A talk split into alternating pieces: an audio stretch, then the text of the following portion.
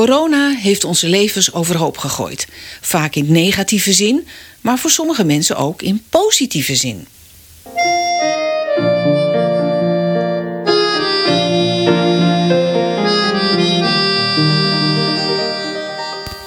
Deze mensen ontdekten, met dank aan corona, een nieuwe vaardigheid, een nieuwe vriendengroep, een nieuwe activiteit of zelfs een heel ander leven.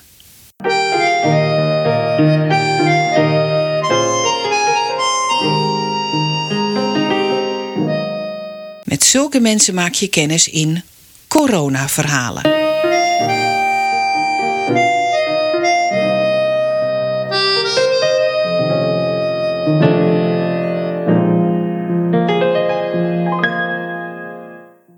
Als Joodse, de Liberaal-Joodse gemeente is natuurlijk als gemeenschap een club waarbij je het ehm, moet hebben van de ontmoeting en de verbinding. Uh, dus uh, de, activiteiten van uh, diensten, schooldiensten, diensten in de synagoge, geboorte, begraven, um, bar mitzvahs, maar ook culturele activiteiten, gesprekken, huisbezoek het is allemaal fysiek. Allemaal dus het is allemaal een persoonlijke ontmoeting. Ja. Uh, dus dat, dat is cruciaal Daar gaat het in, om. Die, in, die, in die periode. Uh, dus dat verandert op het moment dat je elkaar niet persoonlijk kunt ontmoeten. Ja. Ja, en dat zag je natuurlijk meteen al aankomen. Ja. Na de persconferentie was dat gelijk duidelijk. Ja, en daarvoor zagen we natuurlijk ook al... Uh, kon je ook al voor sorteren. Want je zag ook wat er verder in de wereld gebeurt. Dus het lijkt soms dat het opeens hier bij ons was. Het was natuurlijk niet opeens hier nee. bij ons. Het was al vanaf uh, het einde van het jaar daarvoor was het al elders uh, zichtbaar. Dus je kon ook een beetje voor sorteren ja. op, uh, op wat zou er gaan komen. En had je dat ook gedaan? Ja, dat hebben we gedaan. Oh, hoe? nou, kijk, we hebben met elkaar het gesprek gevoerd, realiserend van... Um, Kijk, veiligheid en de verantwoordelijkheid die je ook hebt als gemeenschap uh, voor gezondheid, uh, die, die is er sowieso. Die is ook verankerd in het Joodse denken. Onder andere met teksten uit de Torah en Talmud, waarin je het voorschrift hebt dat als je een huis bouwt, um, dat je op, op het dak een omheining moet bouwen om te voorkomen dat mensen die op dat dak lopen daaraf zouden vallen. En die geeft eigenlijk een opdracht om de maximale verantwoordelijkheid te nemen voor de veiligheid van de mensen in je huis. Nou, je zou kunnen zeggen, een synagoge, dat is natuurlijk ook in zekere zin een huis waar mensen in komen. En die grote verantwoordelijkheid maakt ook dat je al snel na gaat denken: oké, als er sprake is van besmettingen van mensen in groepen, wij hebben per definitie mensen in groepen, dan moet je ook gaan nadenken welke verantwoordelijkheid hebben we daar. Ja. Nou, en dus maakt het ook dat op het moment dat de boodschap ging komen van er moet gesloten worden, uh, ondanks het feit hè, dat je vanuit de vrijheid van godsdienst in Nederland de overheid eigenlijk niet kan ingrijpen Nee. in gebedshuizen, maar dan heb je altijd nog ook je eigen verantwoordelijkheid. Ja. Dus waar er sommige, men, sommige ook religieuze instellingen, en we weten alle voorbeelden, hebben gezegd wij gaan gewoon door met de aantallen die we kiezen, want het kan ons niet verboden worden. En wij hebben gezegd, nou wacht even, we hebben een aantal, we hebben een verantwoordelijkheid in de samenleving. We hebben ook een solidariteit naar anderen die ook uh, heel graag open zouden willen zijn en dat niet mogen. Um, en we moeten ons ook afvragen, uh, zijn er alternatieven? Ja. Dus we zijn eigenlijk direct al in die eerste week uh, rondom dat besluit, of, of geloof ik kort, kort direct na dat besluit, hebben we met elkaar geschakeld tussen uh, bestuur en het rabbinaat. Um, wat zijn de alternatieven die mogelijk zijn? En toen hebben we eigenlijk direct al in de eerste week gekozen om de diensten via Zoom te laten plaats hebben. Ja. En die keuze hebben we gemaakt omdat we, hè, dus we hadden ook al pre-corona natuurlijk best wel wat uh, religieuze instellingen, gebedshuizen, kerken die aan streaming deden. Dat, voor de mensen die niet konden komen. Voor de mensen die ja. niet konden komen. Wij deden dat niet om verschillende redenen. Uh, camera's in Shul, in de synagoge, vonden we eigenlijk niet zo opportun. Daarbij is er überhaupt ook de wens om zo min mogelijk elektronica op Shabbat te gebruiken en al helemaal niet de Shul in te brengen.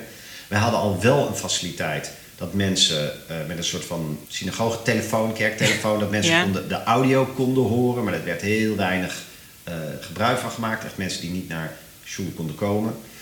Maar we hebben vrij snel de slag gemaakt dat we zeiden: oké, okay, nu is er een bijzondere omstandigheid. ik schatte toen ook al snel in, dit gaat niet een week of twee weken door. Dit gaat echt lang zijn. Dus we moeten ook een plan maken voor iets wat we langdurig kunnen inzetten. Ja. En daar hebben we ook gezegd, als de essentie van gemeenschap is, ook in juist in Joodse context, om de verbinding te hebben, dan komen we er niet met alleen streaming. Dan moet er een, dan moet er een uh, middel worden gekozen waarbij het twee kanten op kan. Ja. Uh, want als je gemeenschap wilt voortzetten buiten de fysieke muren van de synagoge, dan moet je die gemeenschap bouwen binnen de virtuele muren van online. En gemeenschap betekent wel dat je moet kunnen terugpraten. En dat je elkaar ook moet kunnen zien. Ja. En eh, op dat moment... Dus de gezelligheid eromheen. de gezelligheid Voor en omheen, de verbinding, met elkaar kunnen spreken. Nou, Ja. en, en Zoom bood en die laagdrempeligheid en eh, de mogelijkheid om elkaar te zien, eh, gebruiksvriendelijkheid. En we hebben eigenlijk direct in week 1 hebben we dat gestart. Ja. En we zijn eh, sindsdien niet gestopt. En konden alle gemeenteleden direct met Zoom overweg? Nee. Nee. En dus hadden we een, eh, hadden we een extra. We hadden een aantal uitdagingen. We moesten zorgen dat, het, dat de infrastructuur er kwam. Hè, dus dat we dat konden doen. Nou, afhankelijk was iedereen thuis. Dus deden we de diensten. Hè, Rabijn thuis, de Gazan, de voorzanger thuis, de leden thuis. Toen dat later kon, was ook weer een deel, eh zou ik zeggen, rabbijn en voorzanger in de synagoge in Shul. Dus we moesten daar wat optuigen. We moesten voor de veiligheid moesten we wat dingen optuigen. Maar inderdaad, we hadden direct natuurlijk ook de vraag: hey, eh, we hebben mensen van, eh, van, eh, van 0 tot, tot 120, zou ik bijna willen zeggen. En hoe krijg je iedereen op Zoom? Ja. Nou, en toen hebben we direct, hè, er waren ook vrijwilligers die we hebben gevraagd en die zich ook hebben aangeboden. En daar was ook expertise van, van iemand die ervaring heeft met onder andere helpdesk werk. En die heeft een helpdesk opgezet vanaf werk 1. Dus, eh, dus daar is met vrijwilligers, allemaal vrijwilligers, die, hebben een, eh, die zijn ook langzamerhand hebben mensen meegeholpen. Er zijn mensen gebeld. Eh, met het vreselijk groot geduld zijn 70, 80 tot en met 90-jarigen op de Zoom geholpen. Maar die hadden dus wel een computer blijkbaar. Die hadden misschien een smartphone Oh, of ze hadden een computer. In sommige gevallen leenden ze een, dan een tablet van een familielid of wat dan ook. We hebben als uitgangspunt gehad, we vinden dat iedereen die het wil, die moet in staat zijn om daaraan mee te kunnen doen. Dus zij is echt persoon voor persoon. En later toen het ook weer kon, toen, toen zijn er, ik weet zelfs dat de mensen zijn bezocht thuis om ze thuis te helpen om online eh, te Ja. komen. Ja. En, eh, en zo heeft dat helpdesk-team, wat in de loop der weken en maanden gegroeid is, heeft eigenlijk eh gezorgd. Het uitgangspunt wil je, de verbinding, die moet je vormgeven. En zoals we proberen te zoeken naar als iemand eh, eh, niet kan lopen, hoe kun je een rolstoel regelen, hoe kan je vervoer regelen, hoe kan je misschien kijken of iemand mee kan rijden, opgehaald wordt. Zo hebben we nu Ja. gezegd, ja, als iemand het moeilijk vindt om online te komen, dan gaan we kijken wat we kunnen doen om hem eh, online te helpen. ja. Hoe ging die eerste keer? Ja, dat was natuurlijk voor iedereen eh, onwennig. eh, omdat de meeste mensen natuurlijk pre-corona niet veel Nee. aan, eh, aan eh, videoconferencing hebben gedaan. Dus het was onwennig. Hoe doe je dat? Do- door elkaar heen praten, muten, unmuten. de, de, de mogelijkheden zijn ook ontwikkeld in de loop der... In het begin van de, van de COVID was het nog mogelijk in Zoom om iemand als host iemand anders te unmuten. Dus je kon, je kon het meer besturen. Later is vanwege de privacy zijn een aantal beperkingen gekomen. Maar we vonden het ook heel belangrijk om als iemand iets wilde zeggen, die persoon ook het woord te geven, een rol te geven. We hebben eigenlijk vanaf het allereerste begin ervoor gekozen om eh, te werken met wat we noemen een spotlighter. Dus je hebt eh, binnen, binnen Zoom onder andere de mogelijkheid om... In principe is degene die spreekt, die komt in beeld. Ja. Maar we vonden het belangrijk om de situatie na te bootsen... die we ook in Ja. de synagoge zelf hebben. Dat je kijkt niet altijd naar de rabbijn. Je kijkt ook wel eens rond en denk je... hé, hey, die is er en Oh. Rivka is er en David is er. Oh, en die zijn er ook. Oh, dat is leuk. Dus we hebben gezegd, dat moeten we ook nabootsen. Oh. Dus we moeten zorgen dat er mensen in beeld worden gebracht... die gewoon deelnemer zijn. Ook als je ze even niet hoort bijvoorbeeld. Terwijl de rabbijn hoor je er gewoon doorpraten, maar dan zie je eventjes... Dan zie je andere mensen Ja. op bepaalde momenten dat het kan. Hè? Dus op het moment dat er wordt gezongen of op het moment dat er even een moment is dat je zegt, ja, hier is dat geschikt. We brengen mensen in beeld. Dus die spotlighter is tot op de dag van vandaag eigenlijk degene die dan kiest om andere mensen, als het ware, het virtuele rondkijken. Ja. Hè? Want we hebben diensten gehad eh, met honderden mensen. Ja, dan heb je, je hebt maar één schermpje. Nou, als je een nieuwe computer hebt, heb je 49 mensen in beeld dan. In een wat ouder misschien 25 en op een tablet nog minder. Ehm, ja, dus dan breng je mensen in beeld en laat je het dichterbij komen. Ja? En zat er iemand te kiezen wie er in beeld kwam of deed Ja. het algoritme? Nee, nee. Nee, dat is allemaal mensen. We hebben, we hebben per dienst gemiddeld eh, vijf mensen in een technisch team die vanuit huis eh, dat allemaal begeleiden. De helpdesk, mensen in beeld brengen, het geluid verzorgen, eh, zorgen voor, voor de toegang. Eh, dat wordt allemaal eh, Heel geregeld. Ja, Ja. allemaal vrijwilligers. Ja, En dat zijn we ook gaan noemen een digiboer-team. En digiboerteam. ja, want dat, daar zit een. Giboer is, is, is, is samen en verbinding zit daarin in het Hebreeuws. En, eh, eh, en digi is natuurlijk het digitale element zit erin. Hè? Dus dat is een team, wat minder, inmiddels meer dan 20, 25 mensen, die wisselend worden ingezet om bij diensten eh, dat eh, mede te begeleiden. Online, vanuit huis. Dus wij hebben eigenlijk vanaf het begin konden wij een volledige lockdown hebben. Maar we kunnen ook, zoals nu, eh, in een hybride situatie, waarbij je zegt er zitten inmiddels steeds meer mensen gelukkig in de synagoge. Inmiddels kan die weer gewoon helemaal open. Met, eh, met, beperkingen van de anderhalve meter natuurlijk en de eh, luchtverversing. Maar er is nog steeds verbinding tussen thuis en, eh, en de synagoge. Ja. En er staan dus ook schermen in de synagoge, zodat je de mensen thuis kunt zien. Oh, die doen dan ook mee. Ja, natuurlijk. Ja, geweldig. Dus je bent met elkaar. Ja, natuurlijk. Ja. En wat voor reacties kreeg je na die eerste Zoom-bijeenkomst van de Mensen- mensen achter de Zoom? Mensen zijn laaiend enthousiast. We hebben, we hebben situaties gezien waarbij. Zeker, denk even terug in de periode van de lockdown, waar niemand meer ergens heen kon. eh, was dit voor een heleboel mensen, zeker mensen die alleenstaand zijn, maar ook eh, gezinnen zien we wel. eh, dit was, die voelden zich verbonden. Er was een mogelijkheid om met elkaar te chatten, om met elkaar ook echt voor en na de dienst echt te babbelen in die sessie. We hebben met breakouts gewerkt. En mensen waren laaiend enthousiast voor die verbinding die we hebben gehandhaafd. Ja. En we hadden natuurlijk grote momenten als bar mitzvahs. Waarbij normaal een bar mitzwa heb je, heb je misschien wel 200, 250 mensen in shul.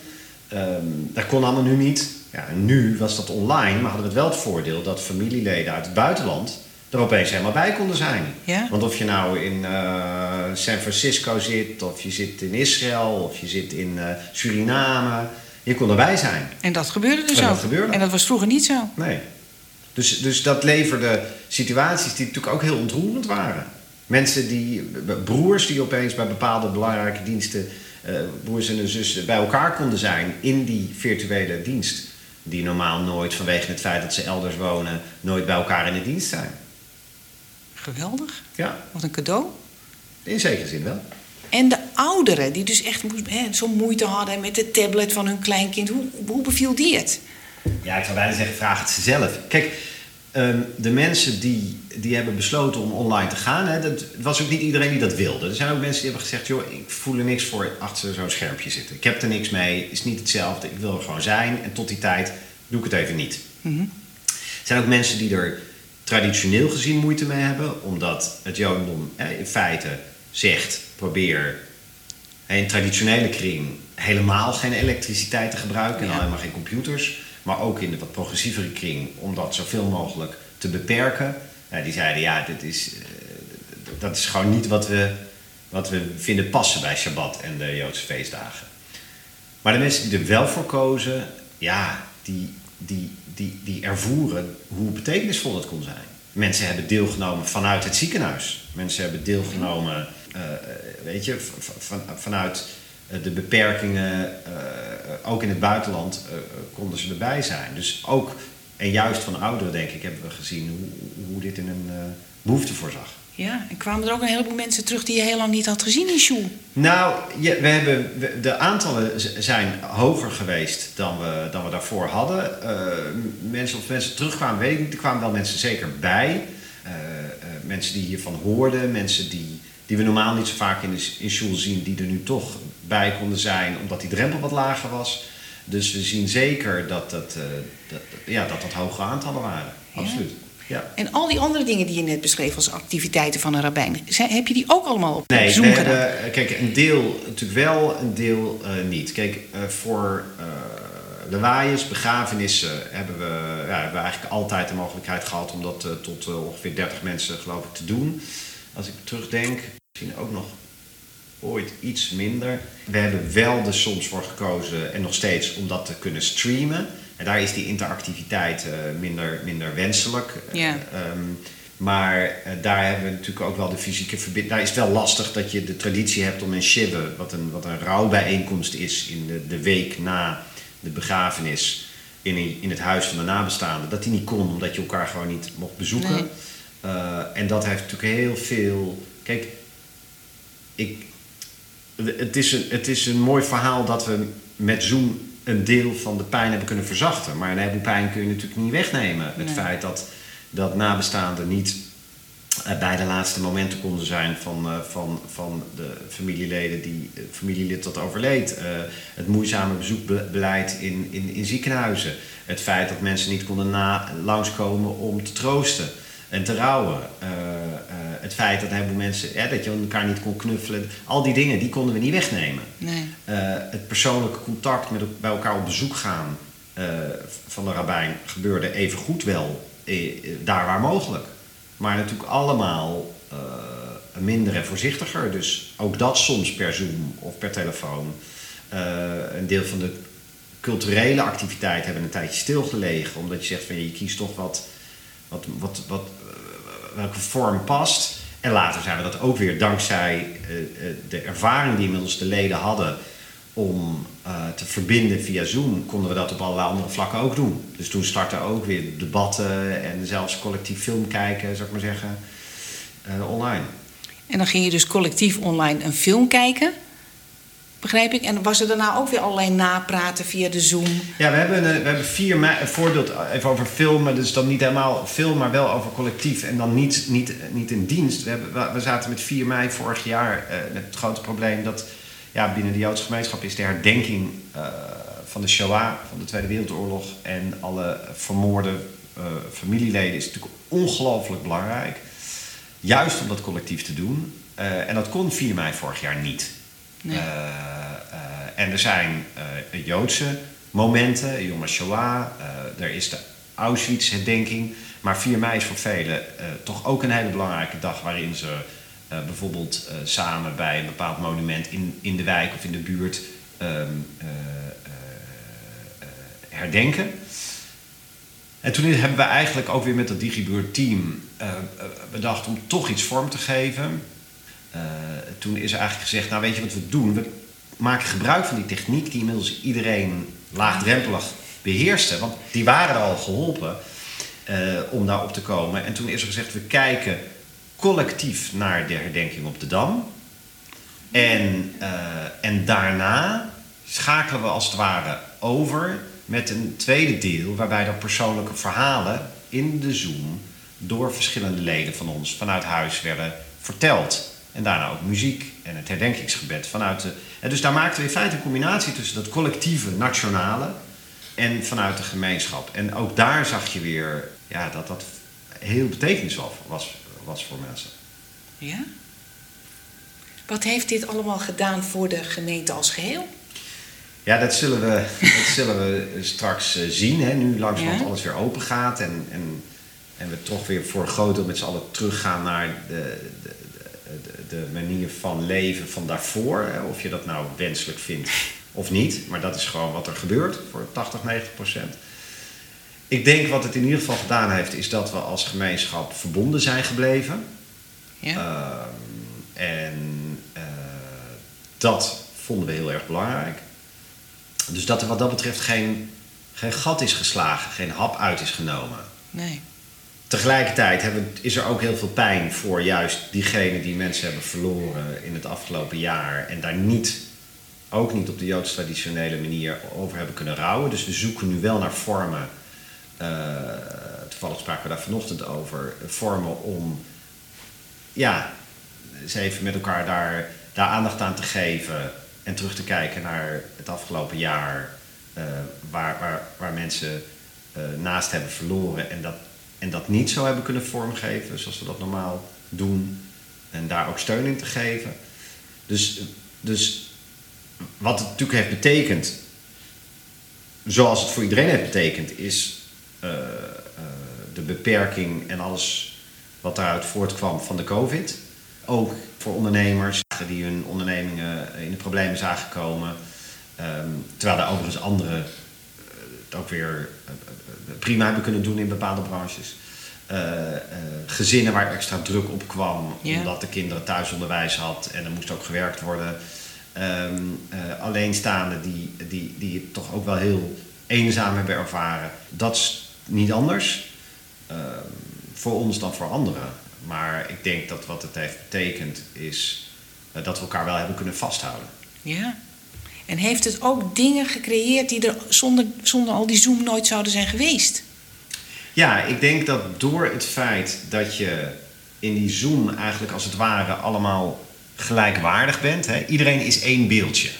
Ja, ja. Het, is, het is natuurlijk zo. Heb, dat, dat betekent iets. Dat geeft een zekere intimiteit die je misschien niet altijd hebt in, in de reguliere diensten die je. Kijk, op, in een klassieke. Ja, in, een, in, een, in een dienst in de, in de synagoge heb je toch al snel dat je hebt de mensen die een vaste plek hebben, je hebt de vaste bezoekers, je hebt de mensen die misschien nieuw komen en die een beetje onzeker zijn over doe ik het wel goed en, uh, en valt het niet op dat ik het niet helemaal kan lezen, want het is in het Hebreeuws. En, en, en dat, dat, dat is spannend en dan kom je in zo'n grote ruimte en dan denk je wow, uh, dat is intimiderend.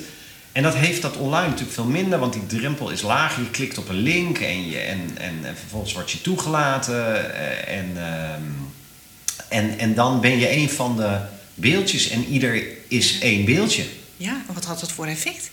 Nou, ik denk dat dat voor mensen wel uh, nou ja, minder intimiderend voelde. En, en, en, en, uh, en merkte je dat ook ergens aan? Ja, ja, dat hoor je ook terug van mensen. Ja, ja, dat ja en dat merk je ook door, door, uh, door, door wat mensen terugkoppelden. We hebben ook mensen gevraagd in de Joodse, tijdens de feestdagen vorig jaar. De, Joodse Nieuwjaar, Grote Verzoendag, Yom Kippur, Rosh Hashanah uh, hebben we ook persoonlijke verhalen laten vertellen in die Zoom. Wat we normaal eigenlijk bij de diensten niet zo doen. Dat er iemand opstaat en een persoonlijk verhaal vertelt over...